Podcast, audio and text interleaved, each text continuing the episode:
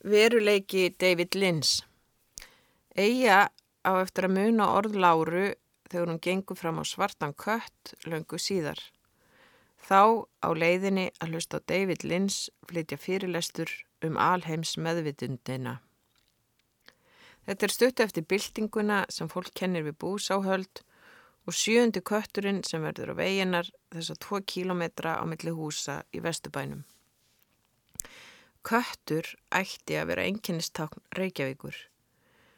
Í gamla Vestubænum er varðla hægt að ganga fyrir hotn á þess að svartur köttur hlaupi fyrir það og búaði vegfarandanum ógjafu. Heimsfrægur japansku rítöfundur hefur haft á orð á því að geispandi kettir gerir borgina frá bröðuna öðrum borgum. Köttunum fjölgaði í mótmálunum eftir að bankarnir hrundu, segja sumir en þeir voru bara sínilegri, líkt og gráðir mávarnir þegar þeir ringsóluði kringum pilsubita og skítugast leikjóa sem börnin höfðu mist í mannþrönginni. Þeir voru á stangli innan um reyðan múgin, lætust narreistir úr nærlegjandi íbúðakverfum inn í miðbæin.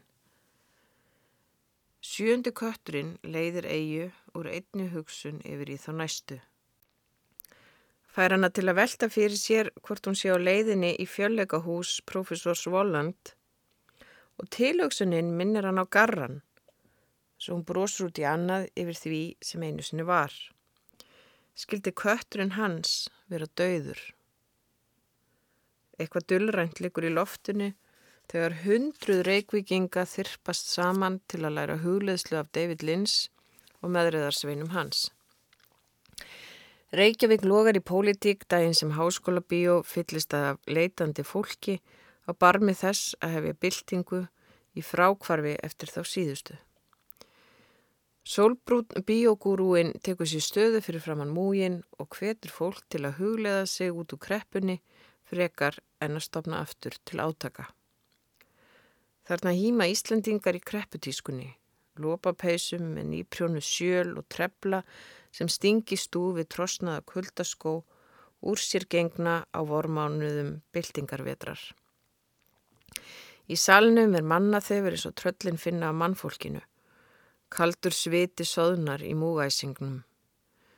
Hér og þar er sóið upp í nefið eða hóstað, líkt á annarkver maður sem er langvind kvef. Hrunið hefur fyllt einhverja óleiknandi kvefi, lágu krónísku snökti sem á aldrei eftir að þagna. Landin gónir og myndbönd með Paul McCartney og Ringo Starr að kynna hugleðslu og tónleikum út í heimi. Áferðin á myndböndunum minnir á gamlar Coca-Cola auðlisingar. Snörl í þúsund nefjum rennur saman við bítlatóna meðan fólk hugleðir að hugleða góðærið aftur til sín. Þó að það hafi verið huglegt allan tíman.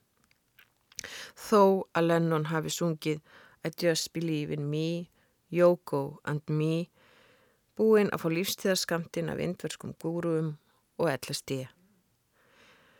En þarna stendur leikstöru frá Hollywood, eitt svo allra mystískasti og býður landanum að opna hugan fyrir alheimsviskunni, ef eiga skilur hann rétt. Þá býr hún innra með hverju og einu þeirra. Hún er þessi landi reyðubúin að opna fyrir ótakmarkaðan sköpunarmátt vitundarinnar eins og leiksturinn. Ef hundruðinn skella sér bara á hugleðslunámskeið verður Ísland brátt annað og betra. Hugleðslubilgurnar eiga eftir að skila þjóðinni starfhæfið alþingi, lægri sköttum og gegsa í þjóðfélagi. Og fólk verður svo æstuð uppgötað þetta allt saman að það getur ekki beðið eftir því að fá að hugleða. Sumir strjúka svitastorkið hárið meðan aðrir kreist á húurnar. Fjöldahugleðsla gæti tífalda áhrif búsáhaldabildingarinnar. Þjóðin myndi hugleða af svo massífum krafti að ströymatni bærust allaleg til útlanda og myndi breyta gangverki heimsins líkt og himnaþrýstingur hefur áhrif á tíður konu. Allt er gerlegt á Íslandi. Þjóðin nýbúin að kjósa antisjálf til að keppi Eurovision. Síðan var stjórnunni hrundi frá völdum og nú stýttist óðum í að hópur skemmtikrafta verði kosin til að stjórna Reykjavík. David Lynn skildi sko sjá. Íslandingum eru engin takmörg sett. Bara smá fyrirstaða á kraftaverkinu. Reynsla austurlandabúa af vesturlandabúum er svo að þeir kunni ekki gott að meta nema þurfa að borga fyrir það. Og fæstir þarna eiga 100.000 krónur aflögu fyrir námskeiði í hugleðslu, ólíkt fleiri eiga vísakort í vanskilum svo ekki sé minnst á öll myndkorfulánin. Landin er auðvitað ekki fátækur í samabyrðu við þriðjaheimin, en samt Davíð verður að skilja aðstæðunar. Sem Davíð gerir. Sannur boðberi veruleika síns og veruleika láru sem heitir eitthvað annað. Brátt berast út þar fréttir að áhuga samir fái 90% afslátt og þannig gefst eigu tækifæri til að finna í sér alheims vitundina. Þegar það gerist eiga þúsundur orða eftir að flæða á blað. Af slikum krafti að ömmur, garrar og skíðadrottningar þeitast upp úr sögunni líkt á stórgríti í eldgósi. Nú fyrir framtíðin og geist kominn handan við aldarmótin. Það er ennþá árið 90 eitthvað. Klukkan nálgast miðnætti. Samt er bjart úti og næstum allur snjórin farin úr fjöllunum bara sletta hér og þar í dældunum og hæstu klettunum en í moldinni spretta sólegar og fýblar. Nóttin ilmar af blöytri kvönn og spóin tregðast við að sopna. Hundurinn dormar úti á stjætt, svo beigður að hann verist finna á sér að hún sé komin til að fara. Amma hjálpar eigi að pakka síðustu fötunmóin í tösku. Öldungis mótfallin því og hún farið daginn eftir að hvaðja garran. Hann ringdi fyrir um kvöldið. Komin á Suðurlandið til mömmu sinnar, sagðan, og vonaði að hún myndi hvaðja sig. Það kvarlar aðinni að gefa honum viðtalið við Láru. Rammað inn í smetluram úr bókfelli og amma búin að þrýfan með glukkapúsi. Því ekki getur hún sjálf hengtað upp á vegg. Hún á hverki heima lengur. Kveðjustund. Ég kem aftur, segir hún við garran þegar þau kveðjast daginn eftir heima hjá mömmans í smábæ sem svimir kenna við alþjóðaflúvellin en aðrir við Briljantín Rock. Hann situr álútur á betta með rósóttur rúmteppi í gestaherbygginu og glottir meinhæðin. Byður hana um að vera ekki svona helviti hrað líin, alltaf hreint. Þetta verður fljótt að líða, segir hún ákveðin í því og hún sé ekki að ljúa. Hún ætlar að koma aftur hvort sem hann trúir því eða ekki. Hún getur ekki svikið hann, þó hann sé full núna og segi ímislegt. Hún horfir einbeitt á hann og fiskar tekkefti frá sparisjóstjórunum upp úr jakkavasanum, þessum bláa úr hörnum sem hún gaf honum í alþjóðbandalagsferðinni til Prag og stál þegar hann hljóp í þvotti. Síðan flýtur hún sér að stíla 40.000 krónur á handhafa. Augasteinar handhafans tífaldast bak við kringlótt glerugun. Hva? Var bara verið að selja blótjóp í kringlunni? Rækir hann út úr sér og fullt í fangi með dilja kætina. Nú rýður á að vera neikvæður. Unnustan má ekki fyrir nokkra muni verða þess vís og hún er ekkert í samanbyrðu við allt alkohólið sem á hamstra fyrir feitan tjekkan. Ég kem aftur til þín, segir hún og hveður. Hei, rópar hann á eftir henni. Hún staldrar við í dýragættinni.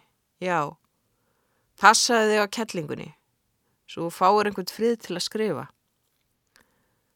Hann glottir, einn í velrænu hjálunu og dósalátri sem berst frá gerfinnatta sjónvarpi mömmans. Hún veit að hann laumast í pillutnar hennar, vonandi ekki hjartapillutnar, það geti drepið hann hvað gerðist í lífi maðginana sem drap litlastrákin á ljósmyndinni þannig að hann auðlaðist aldrei næga trú á lífið til að lifa því. Á hún að loka dyrunum? Bless. Tjekkin. Annarkvort er maður skilin eða giftur, skiluru. Lífið er salt og pipar, segir Rúna örgjaðja í morgunsárið. Hún stendur narreist við langa rauðina að tjekk innborðinu með íslenska fánan á stöng sem er hægt að leggja saman. Klæti ermalust sumadress svo stæltir upphandleikirnir fá að njóta sín. Á hausnum trónir skerblegt kaskiti með skeiðu plasti sem slútir fram á kvast nefið. Þærnar eru málaðar í stíl þar gæjast út um að opna sandalana. Ef lífið er salt og pipar þá er rúna gangandi chilipipar á háum hælum. Návist hennar svo sterk að mannþröngin mjakast feimnislega í áttina frá henni. Hún lætur són sinn og vin hans, tvo tólvora pjakka, um að drösla farangurinnum áfram. Síðan veifar hún flugmiðanum sínum framann í eigi og mömmu sem keirðan út á flugvöll í sjálfbjartri döguninni. Sæl elskan mín, segir mamma og faðma rúnu líkt að þær hafi ekki sérst árum saman. Þetta er stór áfangi. Þeim tókst ætlunaverkið bara mættar út á flugvöll með stúlkuna. Nú er ekkert því til fyrirstöðu að selfrítja hana til munkvísjun sem eigi uppgötar síður um daginn að er ekki þorp heldur nokkur hús á stangli á þekk húsunum í bókum Astrid Lindgren. Rúna fullvisa mömmu um að nú sé ekkert nema dásamtinn framöndan og hún eigi að vita það sem hefur séð allt það fínasta í útlöndunum þaulvöðan að kenna forríkum fytubólum að standa á skýðum á luxushótulum í Östuríki hér í den. Planið er að lenda í Stokkólmi og keira þann beinustu leið til Munkvísjön í um það byl fjóra klukkutíma. Giska rúna og rótar eftir landakvorti í kvenveskinu. Það glamrar í silvupela og varalit. Eyju grunar að hún hafi fengið sér nokkra hjartastyrkjandi sopa til að herða sig fyrir aksturinn á autobánunum. Verður ekki örgla allt í lægi með ykkur á leiðinni, tafsar mamma til vonar og vara. Hvað heldur manneskja mín, söngla rúna, svo stjörfa veginn samfæringakrafti að maðgurnar afráði skyndi að það sé ráðlegast að hugsa sem minnst og hveðjast sem fyrst ef ferðalangurinn á að komast til svíþjóðar á anna borð. Ega snýr sér að mömmu sinni og faðmar hana. Hún hefur svo oft faðma hana og hlaupið upp í rútu eða rellu á leiðinni vestur, norður eða austur. Vön að halla sér upp á gluggarúðinni með að mamma hraðmingar, grátandi í fítni en lúinni kápu, hún sem hugreistir alltaf dóttið sína, en vissi ekki að það sæist til sín beigja af þegar hún veifaði líkt og hún ætti lífið að leysa. Nú fer eiga með þóttu. Eftir stendur mamma með óljósa mynd í höfðinu af skíðadrottningunni á reiksbúandi mínibús þar sem hún geysist með dótturuna um fagur grænar skói vaksnar sveitir. Nú er aðeins að vona það besta. Nú. Ofar öllu. Skíðadrottningin leikur á allsotti. Sólinn baðar skíin og flugfræðan leggur kvítvinsklas með klökum á borði hjá henni. Ísinn gefur frá sér kræmandi hljóð. Sónur hennar og vinur hans sitja heinum með yfir gangin Sónurinn ljósharður með fjörugt augnaráð, hinn stóiskari og dökkur yfirlitum en báður úti teknir með búsnar kinnar. Hvor öðrum niðursoknari inn í tölvuspill. Eyju langar að prófa en stilli sig því nú er hún fullorðin. Hún kaupir sér kvítvín líka með klökum. Skíin vinna á endalösa snjóbreðu. Þau glitra, tandur hrein og kvítari en allt kvítt. Bjart sínin er algjör. Eða fálmar eftir vikunni í bakbókanu sínum en dregur upp klemmurama. Þrýr sopar að kvítvinni döga til að kveikja á melankólíunni. Hún virðir láru fyrir sér dölúðuga í rauðun kjól, flegnum niður á brjóst og bundnum um hálsin. Á síðustu stundu ákvað hún að taka viðtali með sér frekar en gefa garranum það. Hanna langaði að hengja upp í sumarúsinu til að muna á hverju mótni að henni tókst að setja saman orð sem endiði í prentsmiðinni, jafnvel þó að Lára Nektardansmar eigi flest orðin í þessari grein. Hún er líka svo myndræn, Lára, flott upp á vegg. Rúna gæjist yfir aukslinnáni til að lesa viðtalið við Nektardansmeina í þriðja sinn, nú í gegnum gljápúsaðan ramman. Hún tyggur tyggjaður hratt en les hægt. Manneski með efsta stigs lesblindu að eigin sögn. Lára fellur í krami hjá Rúnu, en þið ekki mikið til hennar koma sem æfintýra konu. En hún gefur lítið út á David Lynns, en það lífsinn hans hverstagsleg í ljósi alls þess sem getur hent skíðadrottninguna á einum eftirmiðdegi eða svo. Hún er heldur ekki hrifin af orðum á borð við undirliggjandi, uppgötur eiga, þegar Rúna vil fá að vita hvað Lára eigi við með að lifa í David Lynns veruleika. Eiga segist halda að Lára vilji búa við undirliggjandi dölúð í lífinu. Undirliggjandi hvað? Þú verður nú bara að gjöra svo vel að útskýra það, gasprar hinn. En það þræl montuna því að vera með þetta nýja sem læktandi tala um og fólk sem er með minnaði kallar aðteglisbreyst. Ég veit ekki alveg, segir eiga sannleikanum samkvæmt. Kanski svona, hvað heitir það? Hún hikar en svarar lóks sjálfur sér með hugtækis sem hún vissi ekki að lendist í sínum orðaforða. Líklega heyrð hún orðið á doktorsvörninni hjá Pamela Andersson doktornum. Hliðarveruleiki. Þú ert nú alveg sjóðandi byllandi, gargar Rúna og slær sér og lær svo klakarnir hoppa í plasklasinu. En henni finnst samt sniðugt hjá þeirri kanadísku að skella sér bara til Íslands og upplifa sitt lítið að hverju, hvort sem ævintýrin eru undirliggjandi eða ekki. Og ábygglega ekkit vittlusar að skella sér þá bara í nektadansin frekar en fristuhús úti á landi, eins og sumir vittlisingar sem hún þekkir. Og hún hlæri senn grottalega og góðlöðlega fram henni eigu. Hvað heldur hún hafi heiti fyrst hún hétt ekki Lára, spyr hún raunverulega forvitin.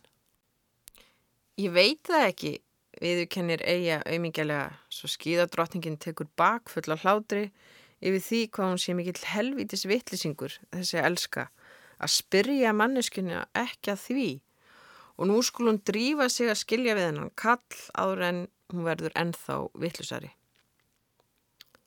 Ég er að fara, tafsar eiga, þannig lagað, þannig lagað, geltir hinn, þú veist, já, taka pásu Rúna glutra niður hlátrinum, gapandi með tyggjóið á tungubrótinum þegar hún fullir yfir að eiga sé ennþá vittlusari en hún hafi haldið hinga til og sé þá mikið sagt. Síðan spyr hún hvort ammennar viti þetta. Viti hvað? Að eiga sé ekki að skilja heldur bara skreppa til útlanda í hressingaskinni og þær búnar að rettinni heilu sumarhúsi útaf fyrir sig, úti í skói við stöðuvat með romantískum pramma til að hún geti skrifa sína fyrstu skáldsögu svo ekki sé minnst á tölvuna sem hún ætli prívat og persónulega að láninni. Ég sagði ekki að ég væri ekki að skilja, missir eigi úr sér, sjálfur sér til ólýsanlegra hrellingar. Jú víst, staðhæfi Rúna og skólar í sér dreggjónum úr glasinu. Í augnablíkinu er aðtiklisbresturinn horfin veg allarar veraldar. Hún er gjörhyglin uppmáluð Manneske sem veit sínu viti og hefði átt séns á ólimpíugulli ef hún hefði ekki hálsbrotnað þarna um árið. Augun stara haug frá hún í gegnum eigu sem veit ekki sitt rjúkandi ráð. Er hún að skilja? Er það virkilega? Eða ekki? Eða undanfæri hlikkjóttrar atbyrðarrásar? Rúmum áratug síðar á gráum haustegi í bónus í gamla vestubænum á eiga eftir að hugsa til þessa dags. Að einhverju leitu önnu manneskja en hún var þá. Samt jafn utan við sig og alltaf sami svifa seini sveimhugin þó staðfastar en áður og ábyggilega frekari eftir að hafa ráðið örlugum söguhetja sinna árum saman. Hún er enþá með skakt nef síðan hún gekk á stöyrin og feit, svo feita hún í mjói minningunni um sjálfa sig í svíþjóð. En eiga gleymir því anspennis hundra flöskum af sætum safa. Hún stendur fyrir fram hann hilli með svaladrykkjum og hókin í dökkrænum leðujakka sem rétt næri við brjóstinn með langan litrikan trefil vafin um hálsin og velti fyrir sér hvort hún hefði að kaupa sér ísteð með áherstakemi Þó að þessi svalur haustagur og íslensku bankarnir þar á auki nýfallnir svo það jæðra við að teljast flottræfilsháttur að spreða íslenskum krónum í útlenskan svaladrykk. En hún er búinn að leifa sér hitt og þetta síðustu daga því bráðum á akka sýstir að fæða sitt fyrsta bann Og þó að hún hlakki jafn ekki til þess og þegar Akka fættist sjálf, þá finnst henni skindilega að líf sitt sé komið á endastöð.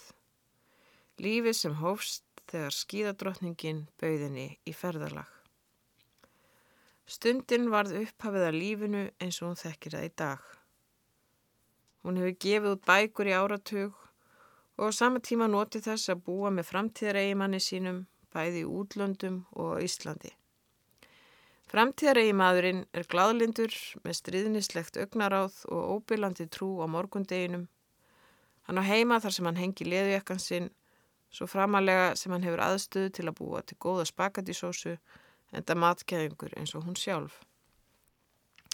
Fyrst ætla hún varðla þóra að segja honum frá fortíðareigimanninum en þau voru fljóta að trúa hvort öðru fyrir sjálfu sér yfir spaket í haug og um leið fekk hún að kynast lítilli dóttur hans, ljósærðri stelpum að aðtúul blá augu og rjóðar krútkinnar sem nýtur þess að ræða dýfstu leindadóma heimsins meðan hún heldur í höndin á pappa sínum.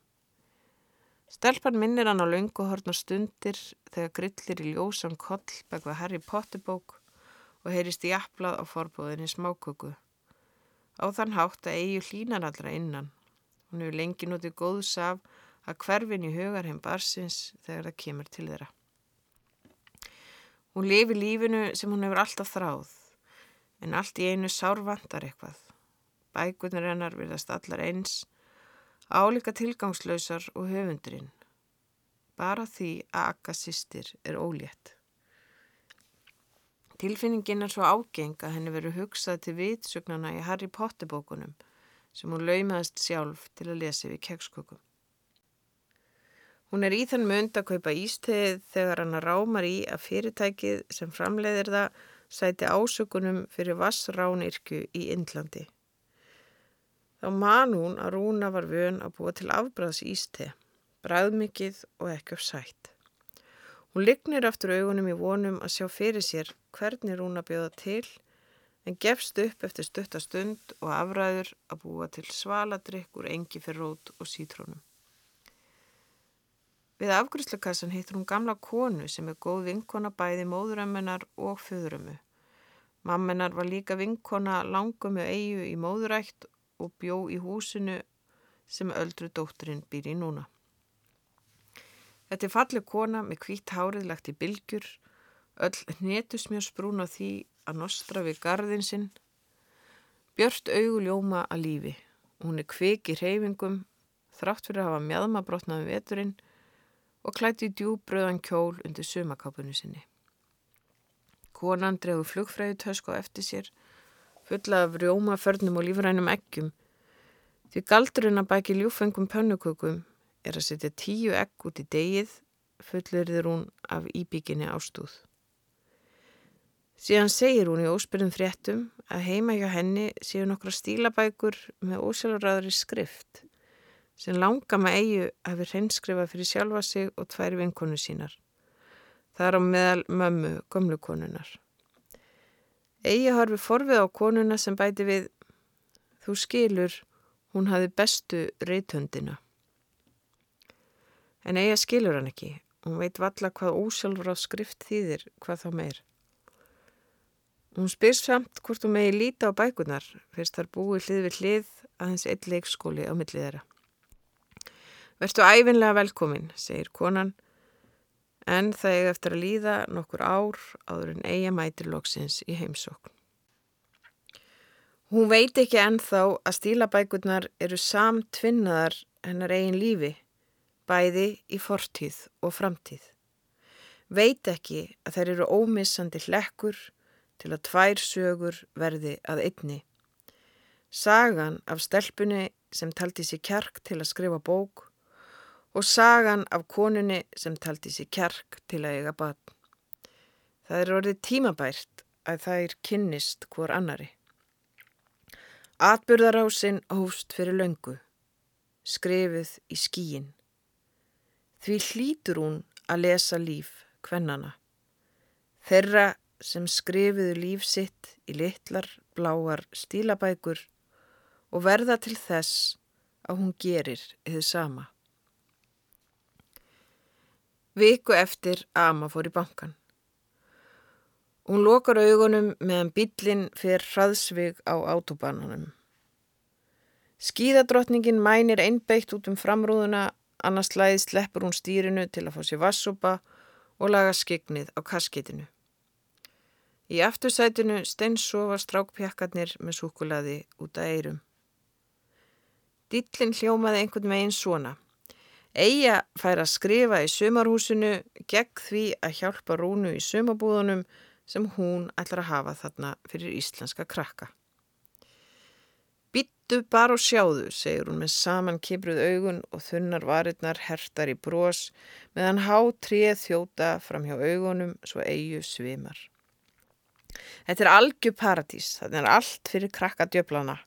Við hefum eftir að sigla á kanóum og kæjögum og spýppátum og flekum og gummidekkjum. Ha!